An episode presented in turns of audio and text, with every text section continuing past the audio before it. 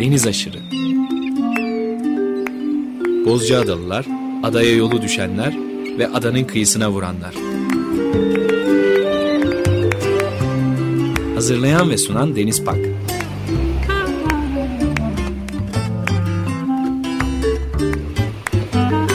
Türkiye için rüzgar enerjisi üreten Demirer Enerji'ye katkılarından dolayı teşekkür ederiz. 95.0 Açık Radyo'da yeni bir Deniz Aşırı programından herkese merhaba. Bugün programda efsaneleşmiş bir denizciyi konuk edeceğiz. Denizin hikayesini, kendi hikayesini ve kendi deniz hikayesini dinlemeye gayret edeceğiz. Bugün program konuğumuz Mehmet Baş. Bu ismi belki tanımıyor olabilirsiniz ama Aksona Mehmet dediğimde herhalde birçok dinleyicimizin hemen tanıyacağını düşünüyorum. Bugün programda konuğumuz Aksona Mehmet olacak. Bodrum'dan Aksona Mehmet'e merhaba. Merhaba, sağlık, güzellik dolu, güzel ülkemin ve yeryüzünün sevgi dolu yüreklerine Ege'nin mavisinden kocaman bir merhaba. Bugün çok mutluyum sizinle birlikte bu programı gerçekleştiriyor olmaktan. Birçok dinleyicimiz e, sizi birçok yerde tanımış olabilir, karşılaşmış olabilir sizin hikayenizle. Ama isterseniz çok kısacası da olmaz bunun biliyorum ama bize biraz hikayenizi anlatır mısınız? Şimdi ben e, 10 Ocak 1950 yılında Bodrum merkeze bağlı 20 kilometre Bodrum'un doğu tarafında köyü vardır, Yalı Çiftlik. Orada doğmuşum, 5. kuşağım. Dedelerim bu köyün kurucularından. Çocukluğum deniz kenarında geçtiği için işte küçük yaşta 15 yaşında 1965 yılında e, süngere başladım. Mayıs ayında Bodrum'a indim ve bir tekneye girdim. Sünger dalmışla yapmaya başladım. Çünkü derin e, mavinin giyicemine bir kere tutulmuştum. Dönüşü yoktu. E, yürüdük gittik orada. O gün bugün denizlerin altında ve üstünde geziyorum. Ve bundan da çok mutluyum. Yeryüzünde sevdiği işi yapan çok az insan vardır. Biliyorum bunu. Ben aşık olduğum işi yapmaktan her zaman onur duyuyorum, gurur duyuyorum. Yani çok mutluyum. Sizin için son süngerci de diyebiliriz. Ee, ama onu Savaş Karataş bir belgeselin adıyla taktı son süngerci diye. Çünkü onu şundan taktı son süngerci olmaz. Hiçbir şeyin sonu olmaz. Ee, bu süngercilik bizim benim yaşadığım topraklarda Güney Ege'de yüzyıllardır usta çırak öğretisiyle süre gelen bir deniz kültürü. Bodrum eskiden fakir. Bodrum'un iki ekonomik lokomotifi var. Biri sünger, birincisi ikincisi mandalina. E, Bodrum mandalinası. Şimdi ne oldu? Süngercilik bitti. Sünger bitti diyor bazıları. Biz bozkırlıyız. Deniz kültürünü geliştiremedik. Süngerin ne olduğunu bilmiyoruz ki. Sünger bitmez. Süngercilik bitti. Bitirdiler. Yasaklayarak yani yanlış bir karar alarak. Ondan sonra bu halka koptu ve orada kaldı. Ondan dolayı da bana Savaş Karakaş Son Süngerci diye güzel bir belgesel çekti. 2011'de Son Süngerci dedi. Ondan dolayı işte benim kitabımın adı da aynı zamanda Son Süngerci. Derin mavi adanmış bir alt başlığı. Ondan Son Süngerci kaldı adım. Evet, biz birbirimizi gayet iyi tanıyoruz e, Aksona Mehmet ile Tabii. ve e, sizi hep örnek olarak aldık. Biz Tamam. burada Bozcaada'da bütün lise, üniversite hayatım boyunca süngerci tekneleriyle e, bizim de denize açıldığımız teknenin ismi Aksona'ydı. E, Harun'la beraber açılıyordum. O da bir genç olarak 80'li yıllarda sizin Bozcaada'dan bu bölgeden geçişinizi hem giderken hem de geri dönerken geçişlerinizi asla unutamayan bir insan balıkçı olduğunda kayığına Aksona ismini koymuştu. Harun. Ee, Kerim Kılavuz Bozcaada'da bunlar bizim hep örnek aldığımız, birlikte gittiğimiz, daldığımız, süngerler topladığımız, süngeri anladığımız insanlardı. Sizin de müthiş yolculuklarınız oldu. Kuzey Ege'ye çıktınız. Belki bilmiyorum Akdeniz'in başka yerlerine de gittiniz. Biz Bozcaada hikayelerini daha çok dinledik sizden. Hatta programın ilerleyen bölümlerinde sizden Marmara bölümünü de dinlemek isteriz. O günlerin hikayesi artık bugün Marmara Denizi belki geride kalmış bir yer e, haline geldi. Sizinle konuşacak çok çok hikayemiz var. Sünger galiba azaldı ama değil mi Aksona Mehmet? Şimdi tarih boyunca dönem dönem süngerler hastalık buluyor, yok oluyor, tekrar ürüyor, tekrar gelişiyor. Ee, Doğanın kendisi yapıyor bunu bildiğim kadarıyla. Şimdi benim okuduğum kitaplarda Ağa'nın Çocukları diye bir kitap vardır. Yannis Mangilis'tir yazarı. Kalemnoslu. 1909 doğumlu e, Yannis Mangilis e, Bodrum'un tarihi ne anlatır. Burada bu kitabın 245. sayfada mı e, o aralarda bir yerde birkaç sayfada süngercilere ayırmış. Çok güzel anlatır orada süngercilere. Şimdi o zamanlarda sünger hastalık olmuş.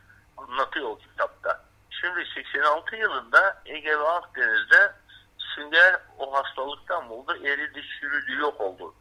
Yani Doğu Akdeniz'de Tunus dahil bunun içinde Libya kıyıları, Yunanistan, Ege ve Akdeniz böyle yok oldu sünger.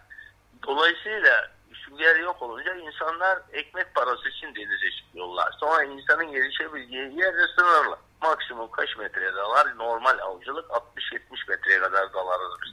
80'e de dalardık zamanında da.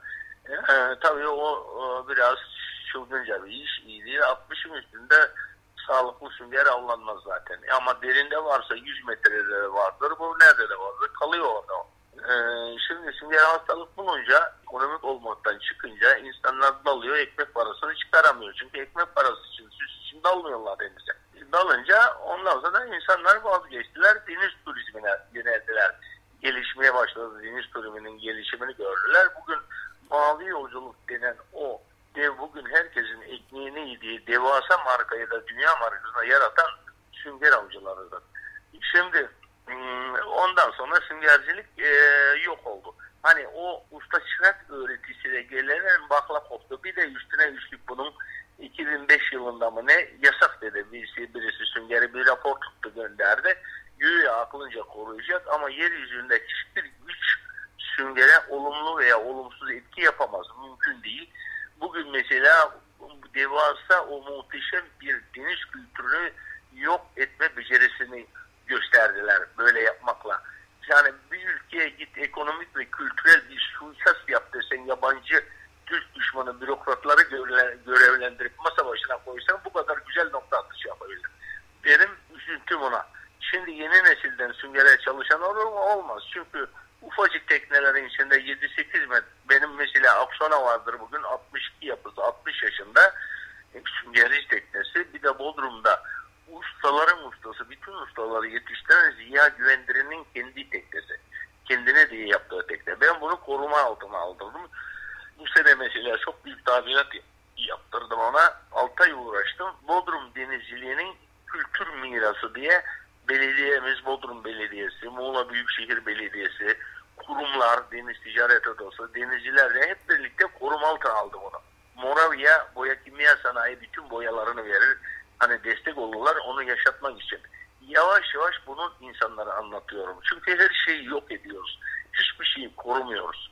Şimdi süngercilik böyle gidince e, yok oldu tabii. Ne oluyor şimdi şu an iki sene evvel mi Ovakale ve Enez arasında serbest bıraktılar. Şu anda balı amatörce tam da değil. Çanakkale'de birkaç arkadaşlar falan biraz insanlar yapıyorlar süngere dalıyorlar. Şimdi benim de ilk süngere başladığım 1965 yılı Mayıs ayında girdim bu işin içine. 57 yıldır bu denizlerin altında geziyorum. Altında, üstünde geziyorum. İlk gidişim Marmara'ydı. Marmara Kapıdağı'nda çalıştık. Müthiş bir mandabat cinsi süngerden vardı orada. İmirozlu, Bozcadalı, Deli Yorgu, rahmetli mekanı cennet olsun.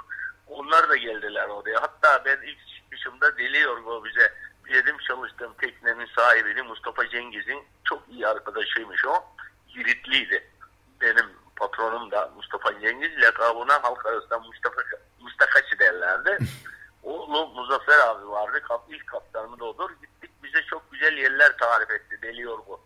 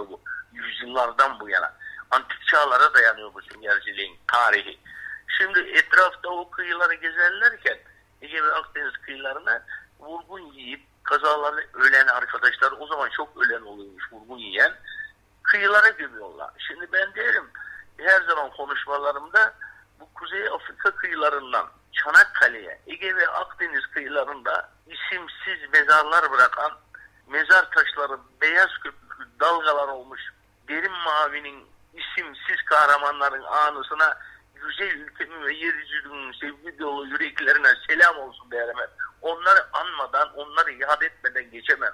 Çünkü neden? Onlar o, o muhteşem bir kültür. İyi ki 15 yaşında bir çocukken o kültürün içine girmişim. Bugün 72 yaşındayım. Hala dalıyorum. Hala büyük bir aşkla enerjim var. 50-60 deniz dibine iniyorum, geziyorum. Yani şunu anlatıyorum. Tarzan için orman neyi ifade ediyorsa deniz benim için o. Ekmek soframız deniz. İçine edilecek su birikintisi değil diye bu mesajı vermeye çalışıyorum. Ekmek soframız. Ne zaman ki biz bunu anlayacağız benim güzel ülkem bu denizlerin bizim ekmek soframız olduğunu o zaman denizci bir toplum olacağız. Olduğumuz günde bu ülkenin bambaşka yeri olacak gezegenin üzerinde diye düşünürüm her zaman. Çok haklısınız. Tüm o kahramanları en güzel şekilde de andığınızı her zaman görüyoruz. Buradan da e, hep birlikte anmış olalım. Cevat Şakir'in dediği gibi süngercilik, süngerciler dünyanın en zor işini yapıyorlar gerçekten. Evet. Tam sizin evet. yani 8 metrelik teknede 7 kişi her yanınızdan çuvallar sarkıyor. Denizde evet. tutuyorsunuz, o süngerleri yıkıyorsunuz, eziyorsunuz. Çuvallar sarkmıyor Denizciğim, yanlış bilgi vermeyelim. Şimdi bak çuvallar sarkmaz. Sarktığı zaman denize o zaman teknoloji eriş kabiliyetini bozar. Olmaz o. Yanlış bilgilendirmeyelim dinleyicilerimizi. Şimdi günlük çıkan sünger akşama kadar güneşte kalır. Akşam olunca bizim file şeklinde apoşlar vardır. Herkesin işaretli her dalgıcın. Onlar ayakla suya sokulup çiğnenir. Gece de çiğnenir. Gece suya bol gergin olmayacak, sık olmayacak vaziyette teknenin yanlarından liman yaptığımız zaman, limanda bir koyda demirlediğimiz zaman denize sarktığı zaman deniz suyuna ıslarız. Ertesi gün sabah onları temizleyip keten çuvallara deperiz. Üvertede herkesin çuvalı vardır. Çuvallar dolunca da 15 günde 10 günde ne zaman da dolarsa bir sahile çıkıp güzel bir limana veya Bozcaadalı Kale'nin içinde çok sünger kurttuk. Herkes süngerini serer, kurutulur sünger bir iki gün. Her dalgıcın süngeri kantarla çekilir, karıştırılır, tekrar balya yapılır ve e, ambarla Bodrum'a depolara gönderilir sünger. Böyle sarkmaz. Onu bilgiyi yanlış vermeyelim. Bir de şimdi ufacık teknenin içinde aylarca nasıl yaşamışız işte. Şimdi bir Halikarnas balıkçısının deniz gurbetçileri kitabının başında açtığın zaman iki yaprak iki cümle vardır. Ee, hiçbir çile sünger avcılarınki kadar ağır, hiçbir çaba onlarınkinden daha zor değildir der. Der ki Halikarnas balıkçısı, milattan sonra 3. yüzyılda yaşamış ünlü filozof Opianus 1700 yıl evvel Opianus Güney Ege süngercileri için söylemiş bunu der. Ama burada yine ayrı bir şey daha söyleyeyim. Ünlü filozoflardan birinin ismini unuttum bir lafı var. Bazı zaruretler vardır ki yapılmaması gereken işleri dahi yapılabilir hale getirir. Fakirlikten, yoksulluktan, talep var. En iyi para onda. Genç, meraklı bir de aşk. Hani alışınca insanlar aşka dönüşüyor. Ondan dolayı yapıla gelmiş. Ondan dolayı şehitler vermişiz, ölmüşüz, kıyılara dönmüşüz. Kimileri tekerlekli sandalyede ömrünü geçirmiş. Böyle telef etmişiz gem genç insanlarımıza. Değer miydi? Bence değer. Çok şükür 50 57 yıllık kesintisiz denizcilik hayatımda hiç ciddi bir kaza geçirmeden Doğu Akdeniz'de Cape Bon'dan Sicilya'nın kanalından Yunan adaları Ege'de Girit, Girit Ege Akdeniz kıyılarında bu Doğu Akdeniz'de dalmadığım yeri yoktur. Ama ciddi bir kaza geçirmeden bu zamana kadar geldim. Çok seviyorum bu derin maviyi. Şimdi dalmak bana nedir diye sorarlar. Kendi nefsini dibine kadar terbiye edebilme sanatıdır dalmak. Dalmak böyle bir şeydir. Şimdi izle suyun altına başını gömdüğün zaman senin senden başka korkacak hiçbir şeyin yok. İnsanoğlundaki şu hırs var ya hırs işte onun terbiye edebilmez yeri denizdir. Terbiye edemedin mi kelleni koparır. Deniz böyle muhteşem ve güzel bir okul ve öğretmendir. Müthiş anlatıyorsunuz gerçekten. Bu yolculuklarınızdan biraz bahseder misiniz? Nasıl gidiyordunuz? Yani Mayıs-Nisan ayında çıkıyoruz diyorsunuz. Ekim ayının 15'i gibi de Bodrum'a geri dönüyoruz diyorsunuz. Tabii bütün o süngerleri ambarla gönderdiğinizi bilmiyordum açıkçası. Müthiş bir bilgiymiş o da. Ee, onları balyalayıp e, Bodrum'a ambarla gönderiyorsunuz. Hasılat sizden önce varıyor yani aslında Bodrum'a. Evet evet evet. Süngerler veya ben şeyler ben Ayvalık'ta çalışırdım. Bozca'da falancadan biriktiğim kuruttuğum süngerleri onu gene biz Antalya çuvalı derdik. Keten çuvallar vardı. Kırmızı pirinç çuvalları, kırmızı kuşaklı. Onlara depilir sünger. O kurusunun depmesi çok zordur. Ayakla depilir, hafif tavlanır da tartıldık hani tartılıyor herkesin süngeri. Yazılıyor deftere kaptan tarafından. Onlar bir yığın yapılıyor. Hafif dilli suyla tavlar. Öyle deperiz süngerler onu. Ağzını da yine dikeriz. Yani bir nevi bir çuvalın içine balya yaparız onu. Mesela Bozca'da kaldığımız zaman ben Halil amcam mekanı cennet olsun Halil Yakar. Evet. Çok sevdiğim, çok saygı duyduğum, çok değerli bir büyüğümdü. Orada mesela Koreli Hüseyin abim onları da anmış olalım. Niyazi hocamız onlar hepsini analım. Halil amcam deponun anahtarını bana, bana verirdi. Al oğlum Mehmet dedi. İstersen koy. ihtiyacım olan bir şey varsa derdi. Oraya koyardım mesela çuvalları. Ayvalıkla bir yere koyardım. Ondan sonra da ambara verirdik. Ama benden evvelki kuşaklar ben duyarım hep deniz nakliyatın gemileri vardı deniz yollarının. Hani Bodrum'a, Bozcaada'ya, Çanakkale'ye uğrar, Antalya, İskenderun'a gider, gider. O gemilerle gönderirlermiş o sünger balyalarını Bodrum'a. O gemiler eskiden bu kıyılarda işte Bozcaada'ya evet. uğrarmış. Yani Bozcaada'ya evet. liman öyle bir geminin yanaşabileceği türden bir liman yok ama açıkta Alarga'da beklermiş. Evet, Halil amca vasıtasıyla ulaştırılırmış. Evet biliyorum hepsini rahmetlileri. Evet, evet. Halil amca müthiş bir deniz emekçisidir. O da 60 müthiş, yıl. Müthiş, müthiş. Çok saygı bir deniz emekçisidir Halil amcam. Bozcaada'nın da yani, simgelerinden bir tanesi oldu. Evet, o Bozcaada'nın köşe taşlarından birisidir Halil amcam. O deniz, onunla ilgili bir anımı anlatayım mı Halil amcamdan? Lütfen. Bir gün şehir kulübünü biliyorsun. Hani eskiden Koreli'nin meyhanesini biliyorsun. Onun arkasında hemen şehir kulübü vardı. Evet. Şimdi bir gün 80'li yıllarda orada çalışıyorum Halil amcam kaymakam Kutlaktaş kaymakam da oranı. Ee, hani İçişleri falan bakanlığı yaptı ya. Evet. Ee, Bozcaada'nın efsane kaymakamlarından bir tanesi olmuştu. Efsane kaymakamlarından. Hep beraber şehir kulübünde aramız çok iyiydi onlarla. Çok severdi bizi. Kutlaktaş'ta. Oturuyoruz Halil amcam da var. Kız erkek ilişkisinden çıktı. Nişanlanma falan filan. Ah oğlum ah dedi. Şimdiki nesil dedi takıyor koluna geziyor dedi. Biz de nerede dedi biz dedi ben nişan oldum yengeye dedi. Görücü usulü ama burada dedi yakın evi şurada dedi göstermiyorlar bana dedi. Evine de sokmuyorlar dedi. O zamanlar dedi müezzinlik yapıyorum camide dedi şu camide dedi. Tanrı uludur Tanrı uludur Türkçe okuyor okundu o zaman ezanın dedi. Sabah sabah çıktım sabah ezanını okumaya dedi. Bir baktım yengen evden çıktı olunca ihtişamıyla diyor yürüdü geliyor diyor. Ben ona bakayım diye başladım ezan saati geldi ezanı da okumaya diyordu tanrılıdır o şerifiyi ters görmeye başlamışım. Yengeye göre diye diyor minarede diyor o anda da oğlum ne bilirsin diyor altından müftü geçiyormuş diyor. Aşağıdan evladım evladım ters ters döndün dedi diyor. Mekanı cennet olsun hiç unutmam Halil amcam falan. Müthiş müthiş bir hikayeymiş gerçekten. Evet, Halil amca çok da onu E, Halil amca çok renkli bir insandı. E, Çok. Bu programda da konuk oldu rahmetli olmadan önce. Bütün hayatını Ha. bana anlatmıştı. E, size Aa. o kaydı da göndereceğim. E, müthiş bir kayıt yapmıştı. Bazı çok dikkatli dinleyicilerimiz e, Halil amca ile Halil Yakar'la adanın simgelerinden yaptığımız kaydı e, hatırlayacaklardır mutlaka. Başka bu bölgede denizcilerle hikayeleriniz, anılarınız, bu bölgedeki denizden anlatabileceğiniz bir şeyler var mı? Çok var, çok var. E, hep gelip gidiyorum işte 15-65 yılından bu yana Bozcaada'ya gelip giderim. Çok iyi dostlarımız oldu. Çanakkale'ye geçerdik.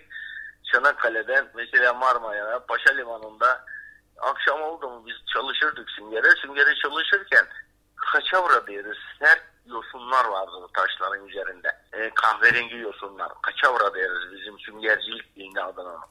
Onların içinde müthiş sünger olur Moldova e, taşların üstünde. Bir de o otların kaçavraların içinde canlı şov olur. Denizde canlı canlıyı çeker ya. Evet. Bir yerde ufak balık olsa büyük balık da gelir onun için. Şimdi pavurya dolu olur böyle. Şimdi doldururken o boşu süngerden alçak su dalıyor zaten 10-15 metre. E, pavuryaları pat pat eline atardık içeriye. İtelerdik. Aboşun içine bir sürü pavurya doldurdum.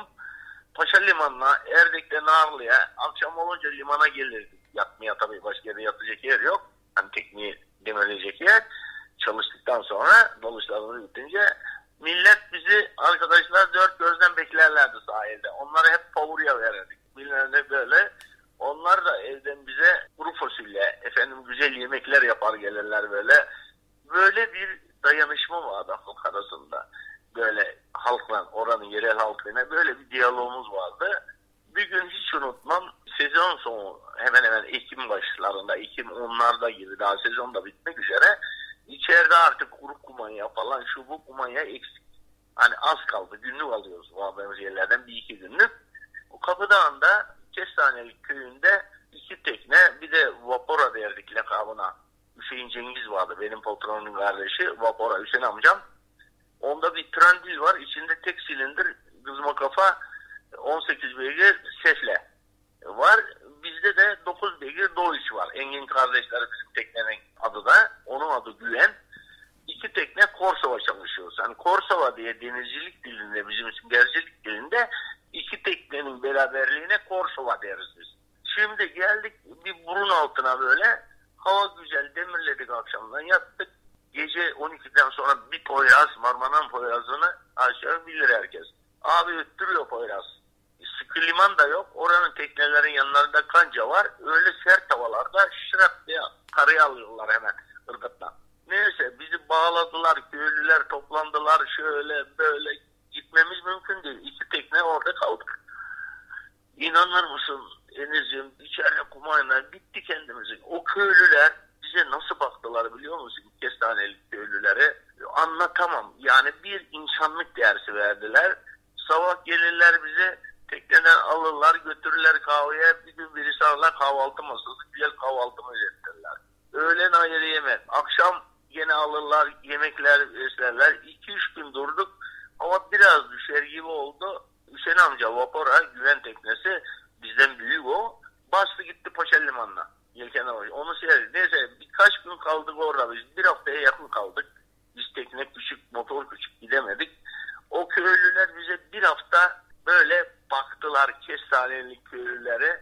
Hep anılarımda anlatırım. Bunun kitabımda da yazdım. Tanrım yüce e, yaradanım derim. O köyün üzerinden iyiliklerine esirgemem. Böyle anılarımız var hep o kıyılarda. Ya ya bu arada müthiş de bir sualtı zenginliğinin olduğu zamanlardan bahsediyorsunuz. Kesin, Aynı zamanda. kesin, evet. Yani Evet. o Marmara'nın o pavuryalarından bahsediyorsunuz. Marmara'nın Evet. mavi ıstakozundan onları da e, Evet. karşılaşıyorsunuzdur. Evet şimdi tekrar ben oraya 1985'te ben aynı zamanda sualtı zıpkına balık avlama yarışlarında da katıldım. Milli takımda da yarıştım.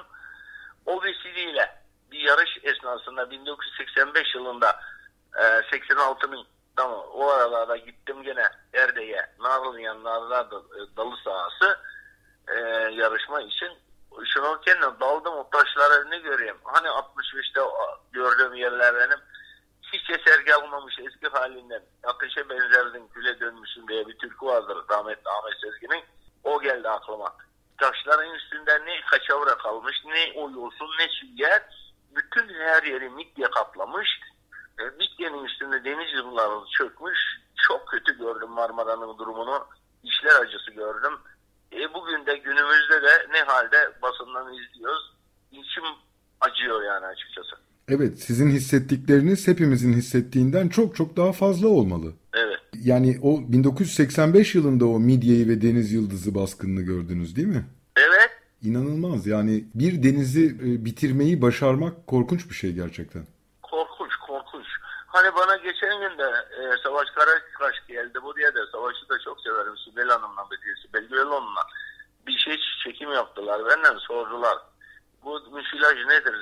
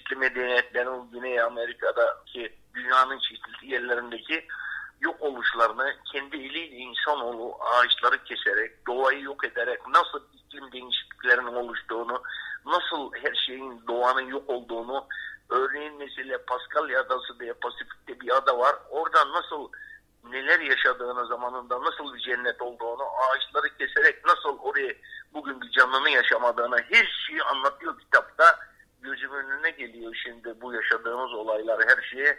Şu an bulunduğumuz coğrafyayı, doğanın o cennet vatanımızın kıyılarını bütün doğasını yok eden bir nesil olarak tarihe geçeceğiz. Tarihin sayfalar arasında yerimizi alıyoruz şu an. İnanın mesela 100 yıl, 200 yıl insan hayatında çok zaman gibi gözüküyor. Ama aslında değil. 12. gezegen diye bir kitap okudum. O 12. gezegenin evrendeki bir turu, bir yılı dünya yılının 360 küsür fazlası bir yılına tekabül ediyormuş. Şu zaman kavramına evrendeki bakar mısın? Ya. Değil mi? Şimdi onun için biz çocuklarımıza bulduğumuz gibi bırakacağımıza bu cennet coğrafyada yaşıyoruz. Ama şu an her şeyi geri dönülmez bir vaziyette çok uzun yıllar tabii dönülemeyecek vaziyette talan ettik. 57 yıldır şu tüm denizleri altından söyledim biraz evvel geziyorum. İnanır mısınız? Şu an nerede bir yerleşim yeri var şöyle kıyıya yakın siteleşme büyük yerleşim olmuş. Oralara gidip dalıyorum onun yakınlıklarına yakınlarına. Mesela evet eskiden o yeri biliyorum nasıl canlı olduğunu. Ateş yanığı gibi denizin altı, taşların üstü. Nasıl bir dağ, yemyeşil bir dağı düşün. Ormanlık, her çeşitli orman yemyeşil bir yangın geçirir. Nasıl kımkır, kıpkır taş olur orada. Artık hiçbir şey olmaz. Onun gibi oldu. Fauna ve flora yapısında müthiş bir değişiklik. Florası olduğu gibi eskiden eser kalmamış. Ama inan ki nerede bir yerleşim yeri yok. Çok tenha yakınlarında yerleşim. Orası eski haliyle aynı eski değerleriyle duruyor. Onu görmek beni muhteşem mutlu ediyor. Öbür tarafları görmek de içimi yakıyor. Şu derin deşarj adı altında denizin altına verilen kıyısal atıklar var ya kıyılardan verilen adı. Derin deşarj adı altında bir cinayet işlediler bu ülkede. Evet, Mahvetti bütün kıyılarımızı. Şimdi ben medyada şurada burada görüyorum. Adam aklı olan konuşuyor dili olan. Şimdi aa işte şu belediye düzgün çalışmıyor, şu belediye bilmeme yaptı. Bakın Denizciğim, tespitim bir deniz adamının tespiti. Yani şöyle düşün bunu. Tarzan için orman neyi ifade ediyor? Ormandaki değişim. Tarzan bilim insanı mı? Değil ama ormandaki her şeyi, havayı, o değişimi yakından gözlemeyen, somut bir şekilde gözlemleyen yaşayan birisi değil mi? Tabii. Şu an öyle düşün. Benim için denizin ve denizin altı, denizin üstüyle birlikte bu derin mavilikler aynı şeyi temsil ediyor. Anlamı taşıyor. İnanır mısınız böyle içim sızlıyor. Bu iş yerel yönetimleri aşan devasa bir devlet sorunu. Partiler üstü, siyaset üstü, milli milli bir ülke sorunu, devlet sorunudur bu iş. Başka türlü çözülmesi mümkün değildir. Tam da böyle. Hayati bir problem yani bu. Hayati bir problem. Bu sağlıkla hayatımızı sürdürebilmek için bütün doğamızla bir bütün olmamız gerekiyor. Deniz Kesinlikle. bunun en önemli parçalarından bir tanesi. Siz yıllardır derin deşarjla ilgili bas bas bağırıyorsunuz. Ben buraları gördüm. Derin deşarjdan sonra Marmara Denizi'nin değişimine tanığım diyorsunuz. Biz bunları Evet. seneler içerisinde hep izledik. Sizden okuduk, dinledik. Ee, Evet. Yani hiç kimse de bununla ilgilenmedi. Görüyoruz ki hala da ilgilenmiyorlar gibi duruyor. Hala da ilgilenmiyorlar. Deniz kustuktan sonra da acaba ne kadar ilgilenmemeyi sürdürecekler çok çok merak ediyoruz gerçekten. Çok merak ediyoruz. Umarım bu konu değişecek. Şu anda e, nehirlerimiz pırıl pırıl o Ergene Nehri'nin güzel olduğu yılları da hatırlıyoruz aslına bakarsanız. Evet. Yani Göksu Deresi'nde lüfer avlamaya giderdik. Biz bir yandan Yeniköylüyüz İstanbul Boğazı'nda. Bir küçük kayığımız vardı ve en güzel lüfer orada yakalanırdı. Hep oraya giderdik. Şu anda Göksu Deresi korkunç akıyor. Gerçekten yani bir Ergene gibi değil belki ama rengi değişti. Dibi göremiyorsunuz artık hiçbir koşulda. Bütün bu renkler değişti. Marmara Denizi'nin bütün kıyısında atık yönetimini kolay yapabilsinler diye fabrikaları yerleştirdiler. Bütün evlerden giden atıkların hepsini belediyeler arıtmadan, ıslah etmeden sadece bertaraf ediyorlar. Denize basıyorlar. Deniz bir lağım çukuru değil. Bunu nasıl anlatacağız, nasıl anlayacaklar e, ve buna nasıl e, sahip çıkacaklar gerçekten çok merak ediyoruz. Sizin öngörünüz ne? Nasıl görüyorsunuz? Nasıl gelişecek bu konu? Deniz'im benim e, öğretmenim okulum Deniz her zaman. Gene öğretisi şu. Sen ben değil. Biz demeyi. Egoları kompleksleri bir kenara bırakıp ortak aklı kullanabilme becerisini gösterdi. Şu teknenin içinde 6-7 kişi on pozitif teknenin içinde sen ben olur mu? Biz olur orada. Ortak akıl vardı. Bunu öğretti. Benim güzel ülkemin geleceğine yön verenler acilen bu sen beni bırakıp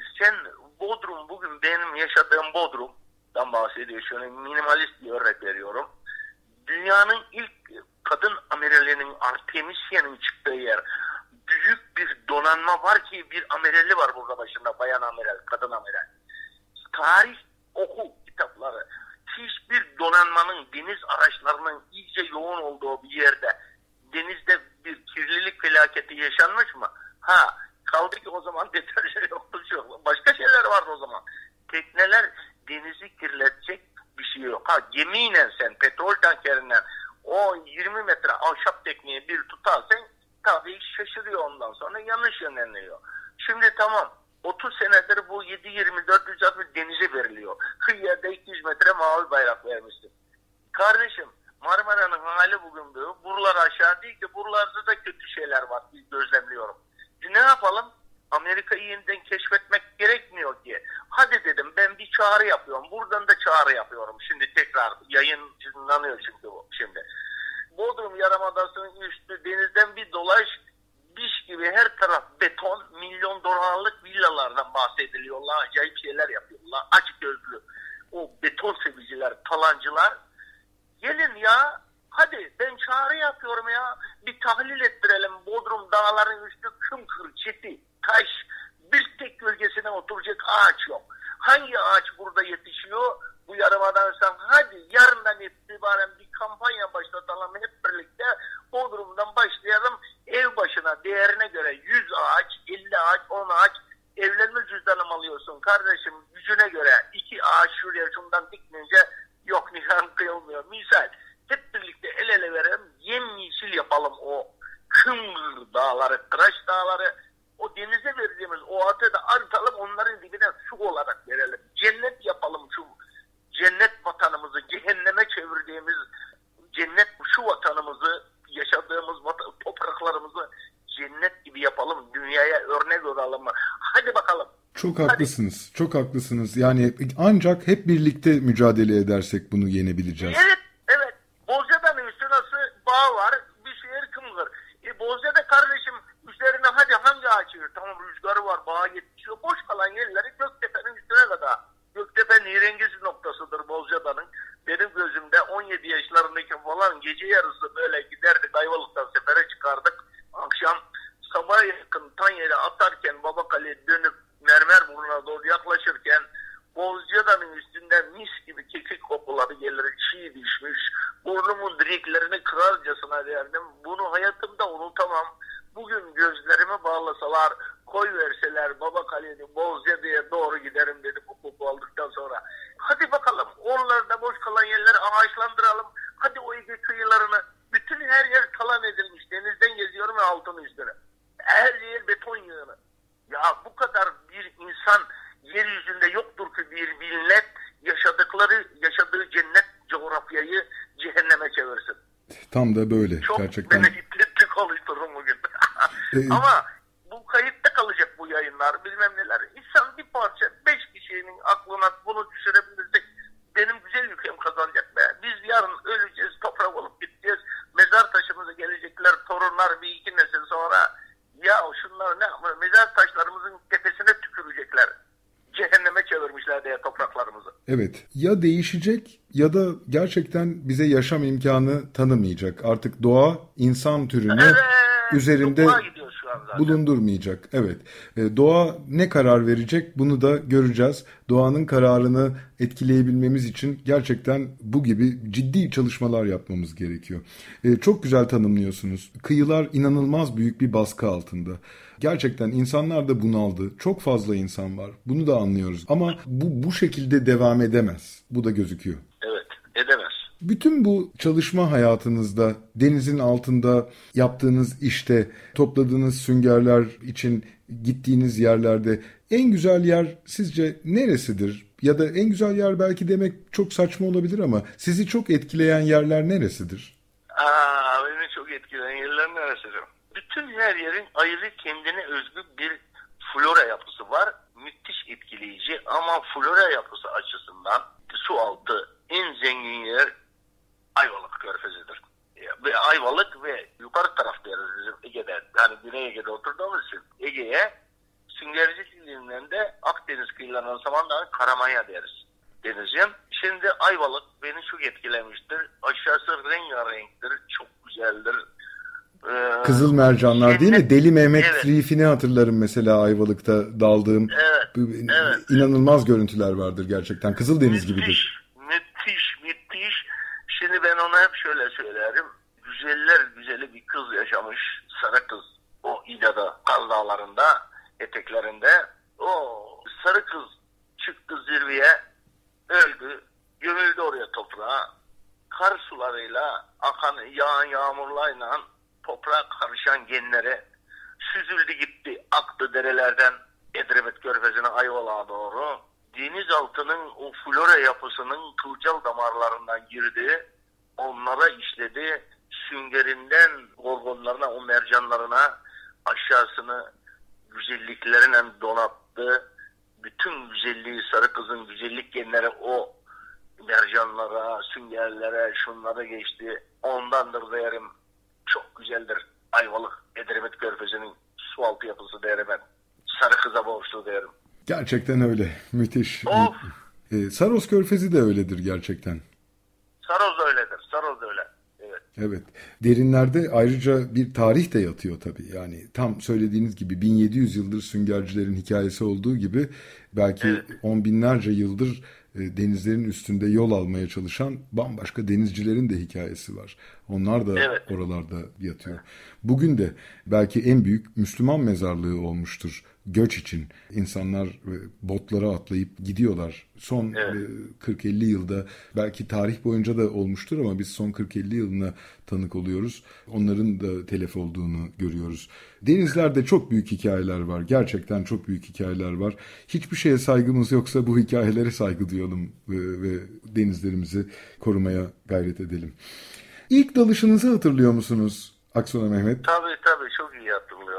Şimdi ben ilk dolayı geçmeden hani dediniz ya cennet ne güzel, neler güzeller etkilemiştir. Birinci etkileyen yer Edremit Körfezi, Ayvalık Körfezi. Ondan sonra onu seyrem. İkinciyi söyleyeyim mi yoksa Lütfen, ilk geçeyim? lütfen, lütfen. Şimdi ben 2010 yılında e, bir de 2013'te iki sefer bugün elimde bulunan aynı zamanda e, yani ben şimdi bu sünger kültürüyle, süngercilikle, o kültürle mavi yolculuk kültürünü, deniz turizmini birleştiren Türkiye'de tek insanım. Şimdi gelenlere süngeri anlatıyorum, sünger çıkarıp hediye edip gönderiyorum, süngerleri anlatıyorum. 18 metre benim bir trandilim var. Sonra içinde büyük makine var. Modern cihazlardan donatılmış. Bununla ben 2010 yılında hep eskilerden dinliyorduk ya. İşte efendim Libya kıyılarına gittiler. Motorla giden arkadaşlar da var tabii. Yelken Körekmen'de. de. Ben isimsiz kahraman, Derin Mavi'nin isimsiz kahramanların izinde diye bir projeyle buradan 2010 yılında Haziran ayında ikisinde çıktım buradan doğru Sicilya, Syrakuza. Sirakuza. Orada o- törenle karşıladılar. Fahri konsolosumuz vardır orada. Domenico Romeo 35 senedir Türkiye'nin Sicilya'daki tek diplomatik temsilcisi, diplomatımız. O da çok seviyor böyle şey. Sicilya basını, masını, liman başkanı törenle karşıladılar Syrakuza limanında. Oradan onları geçiyorum şimdi Disualtı'nın güzelliğine. Gittim Mazara del Vallo'ya. Oradan açıldım Pantelleria. Pantelleria Afrika kıtasından e, Sicilya'nın arasında ortada volkanik bir küçük ada. Bağlarıyla, şarabıyla, üzümüyle meşhur orası. Küçük bir ada, İtalyan adası. Oraya gittim. O Sicilya kanalında denizim 82 mildir en dar yeri. Uluslararası sularda bütün sığlıklar, bangolar, dalınabilen yerler. Pantelleria bangozum benim. Oraya gittim, demirledim üstüne ama zincirle demir atma dedi. Eski bir Yunanlı kaptanla giderken konuştum Kalimnos'ta. Çünkü alamazsın demiri yukarıya. Akıntılar nasıl biliyor musun? Saati saatine değişiyor. Dolunayda başka, bilmem ne de başka. 15 metre sığlıklar. Dünya kadar geniş orada. Gittim üzerine tekneyi daldım biraz sünger çıkardık. Akşam oldu hava güzel 30 mil en yakın liman zaten. Açık denizdesin uluslararası 12 milin dışında istediği yerde çalışabiliyorsun. Hani çok e, yardımcı oluyor İtalyan otoritelere, size resmisi hepsi. Yani denizden gelen adamların deniz insanlarının değerini, haleti ruhiyesini çok iyi biliyor. Denizci insanlar, ada insanı. Neyse e, ben demirledim orada. Akşam halatla ufak bir demir vardı onu attım. Akıntı nasıl akıyor biliyor musun? İçeride salonda yatıyorum benim bir ranzam var orada yatağım var. Kameralarda öbür arkadaşlar yatıyor. Beraber gittiğimiz arkadaşlar. Şar şar şar şar şar şar şar şar şar. Çayın içinde yatıyor diyor suyun sesi duyuyor aşağıdan. Dolunay çıkmış 25 Haziran günü hiç unutmam. Akdeniz'in ortasındayız. Kara görünmüyormuş bir taraftan. Dolunay denizin üstünden çıkmış sini gibi dolunayla değişiyor akıntı. Müthiş akıyor. Gece saat 3 demir bir koptu. Bilmem ne. Neyse toparladı. Ertesi gün gittim Panteller Limanı'na şundan onu anlatıyor. Onların dip yapıları ayrı bir güzellik ama alabildiğine zor. O an gözümün önünden neler geçti tüylerim diken diken oluyordu. Ya altımda 18 bir metre tekne yelken donanımından makine katar pil 100 beygirin üstünde GPS'i, radarı her şeyim var. Modern donatılmış bir tekne. Peki dedim ya benim atalarım buraya geldi. Yelken kürekle 10 beygir veya motorla sonradan ekmek paralarını nasıl aldılar? Bu derin mavinin hani aslanın bilmem neresinden nasıl aldılar ekmeklerini? O insanlara hayran oldum yüz bin kez daha o an. İşte onların dip yapılarını unutamıyorum. O doğanın şartlarını müthiş bir şey. Onları yaşadım. Bir de 2013'te gittim. O zaman da ha o zaman da her yıl Sicilya'da, Ağustos'ta dünyada kaybolan denizcilerin anısına festival yapılıyor. Büyük törenler oluyor. 3-4 gün sürüyor bu. O törene katıldım. Konuşma yaptırdılar Ağustos meydanında beni akşam halk toplanmış. Bizim konsolos Türkçe, İtalyanca bilen bir çocuk buldu geldi oradan evlenmiş. Benim konuşma anında tercüme etti. Ben onlara dedim ki Herodotların Mevlana Celaleddin Rumilerin o piyanusların yaşadığı Ege kıyılarından sevgi dolu yüreğimizle aranızdayız dedim. Tarihte de ilkmiş bir Türkiye ekibim oraya katılışı o festivale. Ortalık koptu. Çok güzel izler bıraktı. Neyse orada bırakıyoruz onu ilk dalışıma geliyorum. Evet çok merak ediyorum. Nasıl ilk etkilendiniz? 65 yılında geldim 15 yaşındayım. Tabii şnorkelle 13 yaşında başladık kıyılarda tatlı tüfekle balık avlamaya falan böyle lastiklerini kendimiz yapmak şeyler kıyılarda. O 65 yılının Mayıs ayında gittik. Karakoldan bir e, tabii resmi olarak ehliyet falan alamıyorsun o zaman. Şu yaş küçük. E, sünger işçisi diye bir belge veriyorlardı. Onu aldık. İlk dalışımı başladık. Muzaffer abim götürdü. Şimdi ben onların ismini Delibram ve Javrali koydurdum. Bodrum'un önünde Reef Reef derler bizim dalış yaptıranlar. Ulan Reef değil bunu. 99 yılında Deniz Kuvvetleri Sihir Hidrografi Oceanografi Dairesi harita gemisini gönderdi. Mümtaz Soysal hocamın rahmetli mekanı cennet onun bir yazısı üzerine onların adını Dilibram ve Cavrali Karabila Karabidin koydurdum başka bir sığlığın adından koydular. İlk baskı haritalarında bana hediye ettiler. Gemiyi gönderdiler. İşte o Dilibram sığlığındayım. İki tane sığlık Bodrum'a gelmiş. Rif derler ya onlara. Evet. Rif, rif adı bassın. Rif. Her yer rif lan. E, haritada işlediler. Hala rif derler. Geçenlerde bir şeyde de yazdım. Ya insan bulunduğu yerin gelenek göreneklerine bilmem nelere bir saygısı olur ekmek diye toprakları dedim. Buranın adı 99 yılında Dilibram Cebrail kondu dedim. Gittim oraya maskeyi palet kitaplarını bir atladım. 35 metreye kadar indim. O boş elimde bir avuç sünger doldurdum geldim denizciğim. Çıkardım güverteye. Aa Muzaffer abim bir geldi. Süngerlerin başına gülüyor. Oo Mehmet hemen ilk dalışta o boşu doldurdum falan. Pat, pat, pat geri atmaya başladı. Deli sünger doldurmuş. Ya ya. Hiç unutmam onu. Bir de Beton Şakir vardı. Allah rahmet eylesin. Benden bir yaş öldü bir sene evvel. Benden sonra o daldı. Aa, Beton Şakir bir çıktı. Gözler ahtapot gözü gibi. Ne oldu lan? Beton maskenin içine hava vermeyi, işlemeyi unutmuş. Emdirmiş maskeye. Bilmiyor ya. İlk dalışlarımız ya. Yok. Onu da hiç unutmam. Böyle değil ilk dalışım. Ya deli sünger, akıllı sünger arasındaki farkı bilmek herhalde bir süngerci için en temel eğitim. Aa, çok önemli. Çok önemli. Baş parmak testi mi yapıyorsunuz? Artık tabii görür görmez anlıyorsunuzdur da. E tabi tabi o göz karşıdan görünce gel bana diyor. Anlaşıyorsun göz alışıyor artık. Evet. Uzun zaman parmak sokardım süngerlere. Ya ya bravo bravo ben de öyle tarif ederim bilmeyenlere. Evet. Sonra şimdi anlayabiliyoruz. Derindeki sünger daha mı makbuldür? Hayır değil. Bak e, şimdi şöyle bir şey. Kıyı süngeri biraz sert olur ağır çeker. Yani örneğin yani yumruk gibi hani şöyle düşün bir yumruğu şöyle geniş aç karışlarına şöyle 20 santim çapında diyelim şimdi. Kuzey Ege'den Bozcaada civarından 20 santim çapında 50 tane sünger bir kilo geliyorsa tamam mı? Buzdan bizim hatta Gökova Akdeniz kıyısının Karamaya süngerinde 70 tanesi 80 tanesi bir kilo gelir. Hafif çeker. Dünyada da sünger nasıl pazarlanır? Esas son yerine gider. Şimdi bizden gelir tüccar kilodan alır süngeri. Kiloda ne kadar parça varsa bu önemli onun için. İnç usulü pazarlanır. Onun fabrikalarda kalıplar var böyle tahta üzerinde. 2 2 3 5 inç 6 inç neyse o kalıplara göre süngerler büyük süngerler hep keserler. Makasla var işlerler bir akşam onları asit sulandırılmış asit havuzları var. Onları içinde tutarlar. içinde kum erisin diye. Ondan sonra tabi arz talep durumuna göre albenisi güzel olsun hep permanganat manyosunu falan geçirdik. Kanarya sarısı gibi yaparlar onu. Bazısı da doğal pazarlar. Kimyasal sokmadan. Sünger derinin alçan kıyı süngeri ağır bastığı için kiloda tanesi az olduğu için o fark vardır. Derindeki sünger, derinden çıkan sünger daha hafif olur. Her tarafta da, her iki denizlerde de. Şimdi 6000 çeşit falan sünger yaşadığını söyler denizlerde bilim insanları. Süngerin bir sürü türü var. Evet. Şimdi bunların içinden 5 tanesinin ekonomik değeri var. Birini sayma, çumma dediğimiz parmaklı şu sünger olarak kullanılır sadece. ıskarta niyetine çok ucuz gider. 4 çeşidi vardır ekonomik değer olan sünger.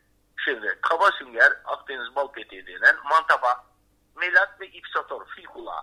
Fil kulağı orada çok var. Geçen sene, evvel sene geldim oraya ben. E, Bozcaada'nın 8 mil açıklarında daldım 50 metre taşlara. Acayip sünger var, fil kulaklar var. Dev gibilerini çıkardım. Hele geçen sene bir tane çıkardım. E, hayatımda öyle sağlam kalmış o boyutta. Hani parçalanmadan, kenarı sağa solu yırtılmadan öyle bir sünger hayatımda ilk defa çıkardım. Hatta Atanan birlikte sosyal medyada paylaştırdık. Büyük bir e, onun e, fotoğrafı var. Görmüşsündür belki. Gördüm Ha? görmez miyim? Ha, şimdi dedim ki şöyle aklıma geldi şimdi bunu anlatmışken şunu da söylemene geçemeyeceğim. Şimdi Bodrum'da ben 2011 yılında çok büyük, çok güzel Gökova'da 60 metrede bir milat süngeri çıkardım. Şimdi siz son süngerci belgeselini izlediniz mi benim? Evet. Ha, onda bir sünger çıkarıyorum 60 metrede çok büyük bir melat. Aynı onun yanından 65 me, e, 60 metreden çıkardım onu. Bende duruyordu o. Bir heykeltıraş arkadaşımız var. O vesile oldu. Marmaris'te gene benim e, süngerlerden bir tanesinin e, müzede görmüş. Etkilenmiş Marmaris Belediyesi'nin sponsorluğunda birkaç sene evvel işmelere onun bir heykelini yaptı. Diktiler açılışa çağırdılar. Ben de gidemedim. Altyazı yazdım ona. Yaz dediler. Yazdım. Ondan esinlenerek bizim Bodrum Belediye Başkanı Ahmet Araslan anlattım ona böyle böyle dedik. Bu süngerin heykelini de Bodrum'a yapalım. Ve geçenlerde yaptık onu kışın koyduk yerine pandemi nedeniyle açılış oluyor. Geçenlerde açılış yaptık bu Melat'ın süngerin 16 ton toplam ağırlığı altının kaidesiyle birlikte. İşte binlerce yıldır süre gelen bir deniz kültürünü o deniz o kıyılarda isimsiz mezar bıraktık dedik ya. Evet. O onların anısına İskele Meydanı'na diktik onu. Altyazısında ben yazdım. İşte tüm bu heykel buraya şu şu tarihte şu şu yerden çıkarılmış bir heykel süngerin birebir Mila süngerinin heykelidir. Halil İbrahim efendim Sever tarafından heykeltıramış işlenip buraya da Bodrum halkı adına tüm zamanların sünger avcılarının anısına dikilmiştir. Altına da ben yazdım. İşte tüm zamanları biraz evvel söyledim. Selam olsun Ege'nin muhabbetlerine tüm zamanlar sünger avcılar arasında güzelliğimin yeryüzünde sevgi dolu yüreklerine diye plaka düzenli yazdık. Tarihini falan oraya çok güzel bir şekilde işledik. Yapıştırdık onu oraya. Açılışını yaptı geçenlerde. Ya tabii bilik bilmeyenler okumuşsundur mutlaka. Ne eleştiriler yapmışlar. Birisi demiş ki tabii ben cevap vermem öyle eleştiri. Cehalet, zeka fukaralığı böyle bir şey demek ki. Ya demiş ona o kadar uğraşacağınıza iki seneden beri çalışma yapıyoruz diye bir konuşma yaptı da Ahmet e, Başkan bizim. Ben demiş size onu 24 saat demeden gider hamamdan 10 tane hamam yalağı bulu gelirdim koyardınız demiş. Bak şimdi bakış açısına bakar mısınız? İşte bozkırlılığı yırtıp denizci bir toplum olamadığımız sürece böyle bakıyoruz olaya. O sünger heykeline. Neyse onu diktik oraya neyi söyleyeceğim. O İpsat Orhan heykeline Bozcaada Belediye Başkanı Hakan Bey'le görüştük. Yazdım ona. Dedim ki bak böyle böyle böyle o fotoğrafını da biz bir heykel yaptık. Cumhuriyet Avcıları'nda bir tane de bak Bozcaada sularından çıkmış. Böyle böyle bir, müthiş bir sünger var İpsator süngeri. Bunun dedim heykelini de yapalım. Bozcaada'nın güzel bir yerine dikelim. Bozcaada'nın üzerinden gelip geçmiş İmroz dahil. Çünkü onlar atalarımız bizim deli yorgun yorgunlar bilmem neler hepsinin anısına oraya bu denizciler anısına denizde kayolup insanların anına Bozcaada'ya dedim bir tane bu heykel, bu süngerin heykelini dikelim.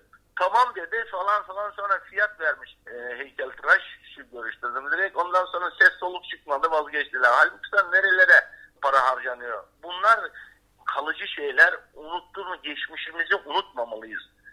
Şimdi nereden geldiğimizi, geçmiş kültürümüzü bu bir kültür değil mi? Bir Öyle şeyler mi? yapmalıyız, koymalıyız. Velhasıl öyle kaldı o iş. Sadece geçmişimiz değil, aynı zamanda denizle de ilişkimizi kuran bir Tabii kültür. ki, tabii ki. Evet, çok önemli. Çok önemli. Her Evet. şeyi yok etmişiz. Hiçbir şey kendi yaptığımızı övünecek bir şeyimiz yok. Evet, bugün işte süngercilerin durumu ortada, denizlerimizin e, durumu ortada. Bu arada o süngerlerin üzerine yatan orfozları unutamam. Yani lahosları, Yani, orfozları. evet, evet. Bir, bir yatak gibi kullanırlar onlar onu. Müthiş gerçekten. Program süremizin sonuna geldik ama size doyamıyoruz ve yani o kadar çok şey dinlemek istiyoruz ki bir yandan. Ee, umarım belki yaz sonu yeniden yaparız, bir şeyler daha anlatırız. Eminim bir sürü şey geride kalmıştır.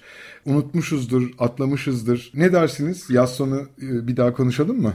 Konuşalım konuşalım tabii. Ee, şimdi unutmayalım şunu benim güzel ülkemin her zaman şunu söylerim. Çağının ve çağımızın en büyük liderini çıkarmış bu muhteşem coğrafya. 21. yüzyılda bile gezegenin üzerinde dengi çıkmamış Mustafa Kemal Atatürk gibi bir lider çıkmış. Bugün Gazi Mustafa Paşa'mız gibi, Atatürk'ümüz gibi bir liderimiz. 21. yüzyılda dengi yok. Bize ne demiş? Muasır medeniyetler seviyesine giden yol sonsuz bir yoldur. Batıya doğru bunu göstermiş bu yolu. Bu sonsuz bir yol. Bu hedefe, medeniyeti ve uygarlığa giden yol inanın denizlerden geçiyor. Tarih çünkü aksini yazmıyor. Doğru. Ee, Sloganımız da şu olsun. Bunu benimsetelim. Birçok insan benimsedi bunu. Denizlerimiz sıradan bir su birikintisi değil, ekmek soframızdır.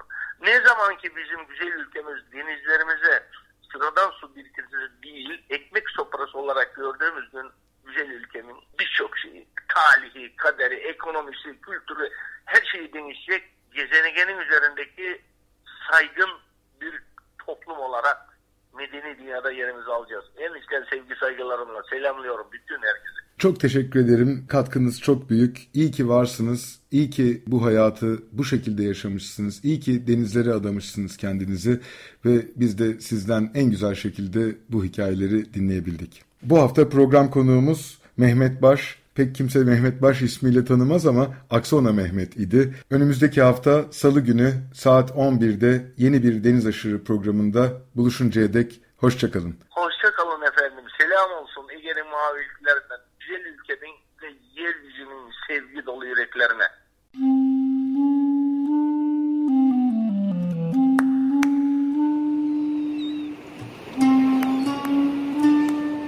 Deniz aşırı. Bozcaadalılar, adaya yolu düşenler ve adanın kıyısına vuranlar. Hazırlayan ve sunan Deniz Pak.